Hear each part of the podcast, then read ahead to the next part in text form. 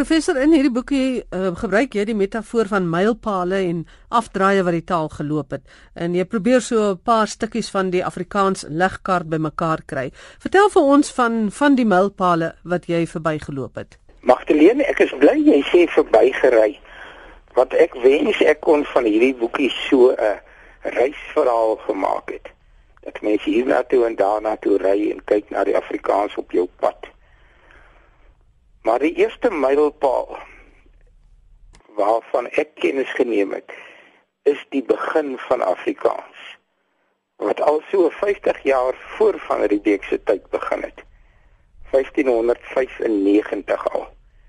Toe daar al Hollandse skepe aan die Kaap verbygekom, hulle het met die koi koi gepraat, oor en weer goeders geruil en van die mense op die skepe het die koi koi se manier van Nederlands praat opgeteken.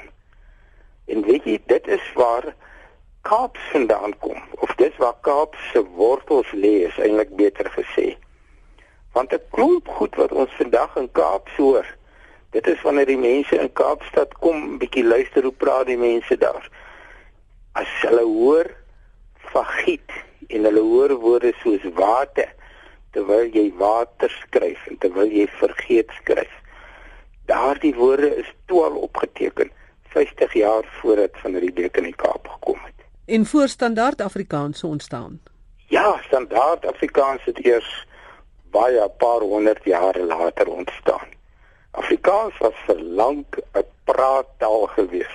Verskillende groepe mense het dit gepraat die die tweede stilhou plek as mens so wil praat is hierdie 100 jaar tussen in die gebied tussen die Hottentots Hollandberge daar waar hy mooi pas vandag lê as 'n mens verby die strand ry en jy gaan na die binneland toe St. Louis pas St. Louis pas ja tussen daardie pas en Graaf Renet waar dit Khoza gebied was in daardie groot gebied is daar baie soorte Afrikaans gepraat. Afrikaans wat weer anders geklink het en wat 'n geweldige stempel op die latere Afrikaans afgedruk het.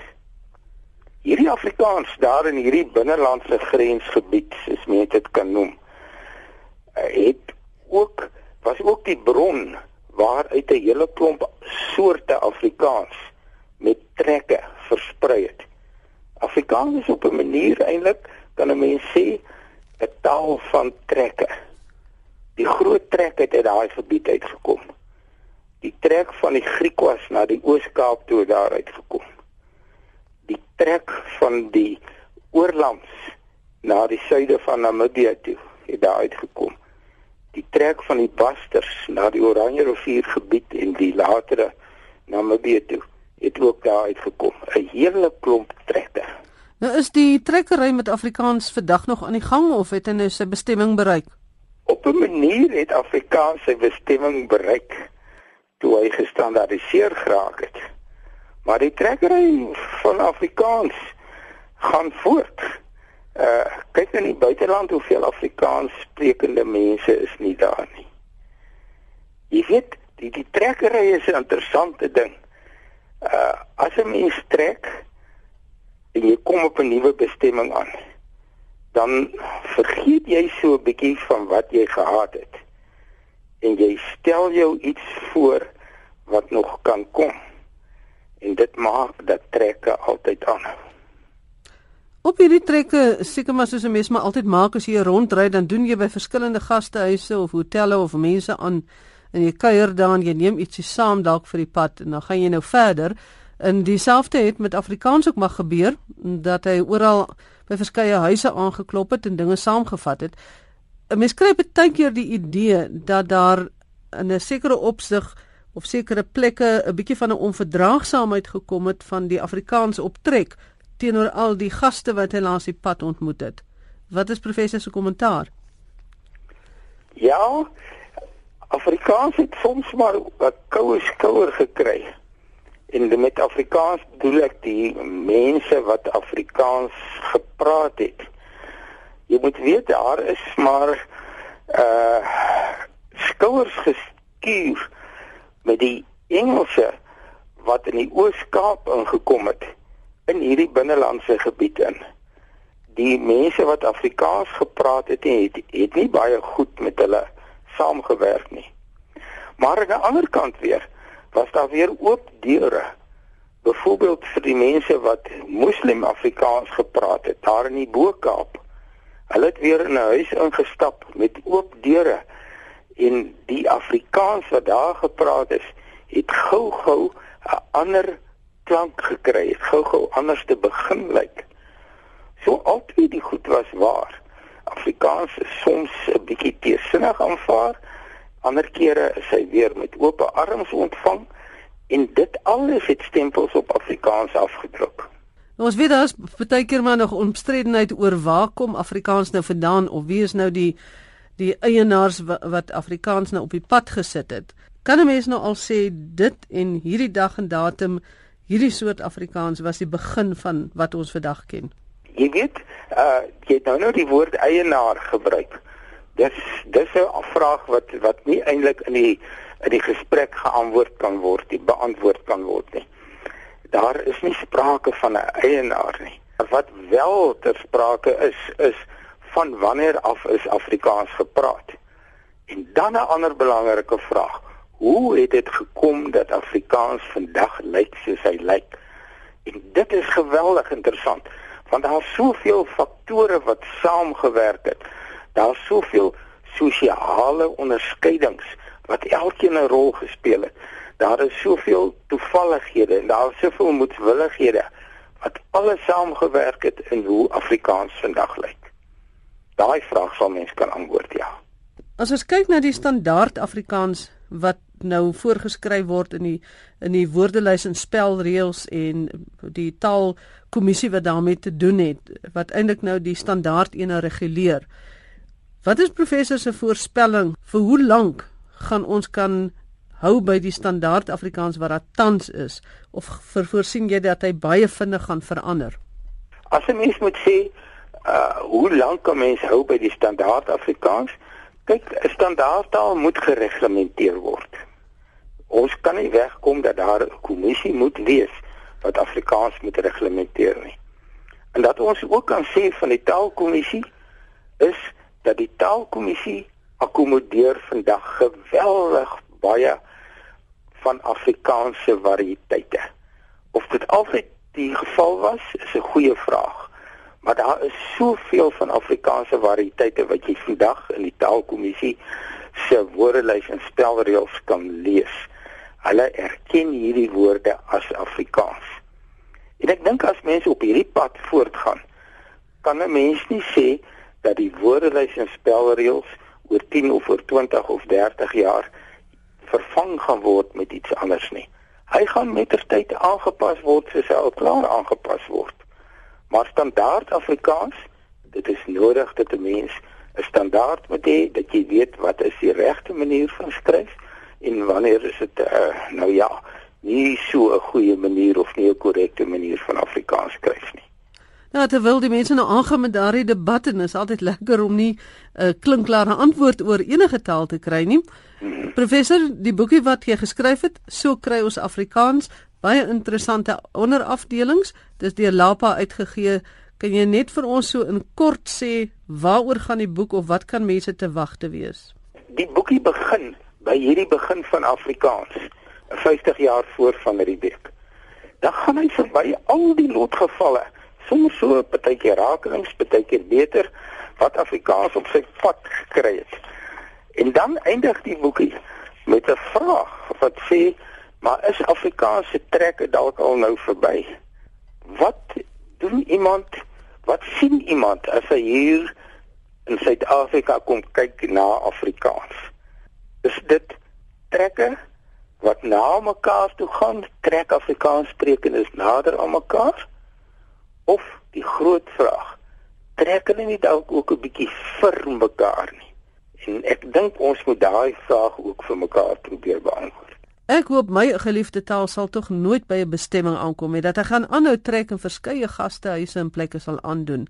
Nooit sal kom by 'n eindbestemming en sê tot hier toe en nie verder nie Baie dankie professor Christo van Rensburg, navorsingsgenoot by die Universiteit van Noordwes se Potchefstroom kampus en hy is skrywer van die boek So kry ons Afrikaans oor die herkoms van Afrikaans. En nou is dit tyd vir ons taalspeletjie saam met Gerard van Huisteen en sy gas. Vandag is weer tyd om 'n bietjie 'n diktee te doen. Ek lees 'n sin en jy moet dit skryf of ten minste dink hoe dit geskryf moet word. Kom ons val weg. Of jy 'n manlike boeddhis of 'n vrou is wat 'n boerka dra. In hierdie land kan jy bydra om Suid-Afrika die bakermat van vryheid in Afrika te maak. Ek lees dit weer. Of jy 'n manlike boeddhis of 'n vrou is wat 'n boerka dra, In hierdie land kan jy bydra om Suid-Afrika die bakermat van vryheid in Afrika te maak. Om ons te help met die diktee, het ek vir Dr Nerina Bosman van Universiteit van Pretoria gevra om ons te help. Goeiemôre Nerina. Môre Gerard. Kom ons val weg. Of jy 'n manlike boeddhis is. Ek vermoed dit is die eerste moeilike woord hier en hy word inderdaad vreemd gespel. Ons skryf hom met 'n klein lettertjie of met 'n hoofletter B. B O E D D H I S. En dit is natuurlik afgelei van die eie naam Boeddha of die Boeddha wat die grondlegger van die boeddhisme is. En die woord is natuurlik 'n Indiese woord uit een van die baie Indiese tale, Pali. En omdat dit dan 'n eie naam is, die naam van 'n persoon, kan ons dan Boeddhis ook skryf met 'n hoofletter, maar ons kan dit ook skryf met 'n klein lettertjie. So sê reël 29 van die Afrikaanse woordelys en spelreëls. Goed, dis Boeddhis, maar 'n uh, dubbel D of enkel D?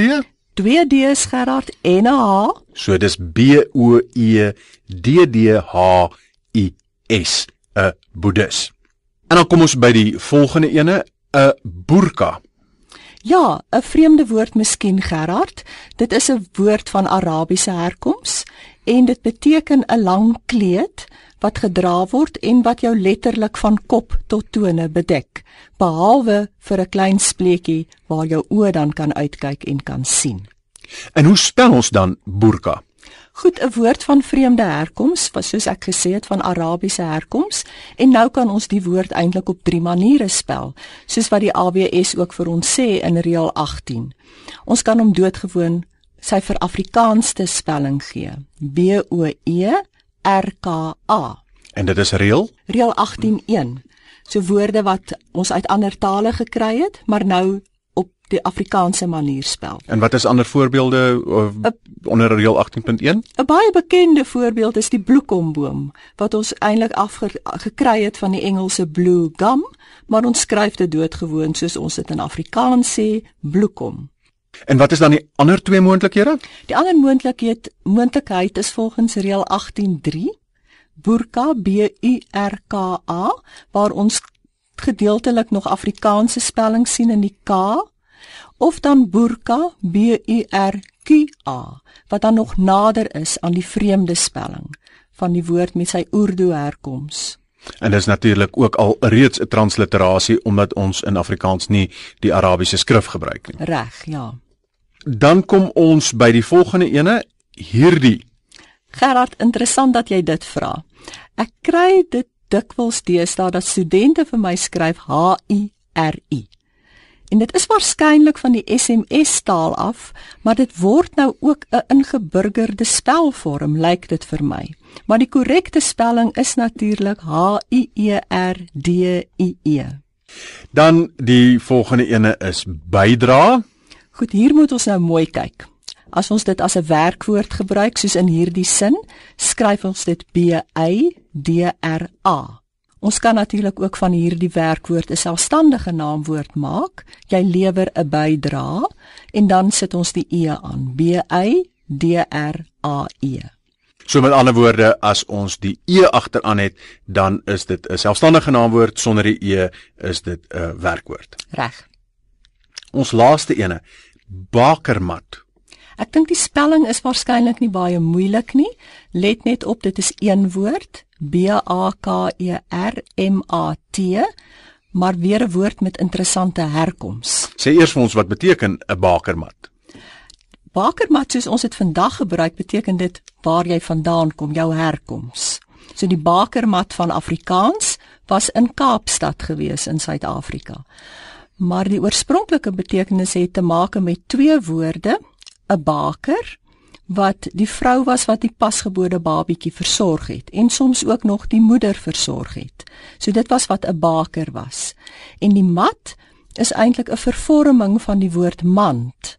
Soos soos mandjie wat ons vandag nog ken. So 'n bakermat was 'n la langwerpige mandjie wat op die grond voor die vuur verkieslik gestaan het en waarin mens dan die babietjie gesit het en die baker kon dan ook nog hierdie mandjie liggies met haar voet gewieg het om die babietjie te baker om die babietjie te versorg en tevrede te hou.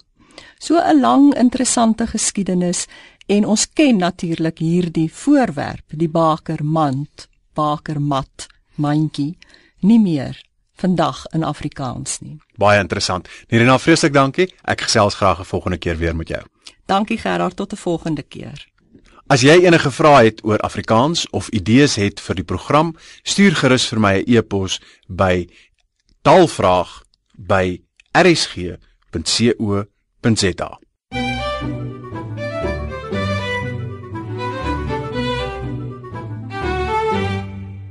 Gerard van Huisteen is die een wat uh, gereeld ons taalspeletjies versorg en onthou om volgende Sondag weer in te skakel by die tale wat ons praat. Ons gaan binnekort weer 'n opname maak oor taalnavrae. So hou maar aan om jou taalnavrae aan te stuur aan Dr Willem Botha of Dr Frikkie Lombard van die Woordeboek van die Afrikaanse taal of jy kan dit sommer na my stuur Magdalene by rsg.co.za en ek sal sorg dat hulle dit dan kry. Groetnis tot 'n volgende keer van my Magdalene Creer.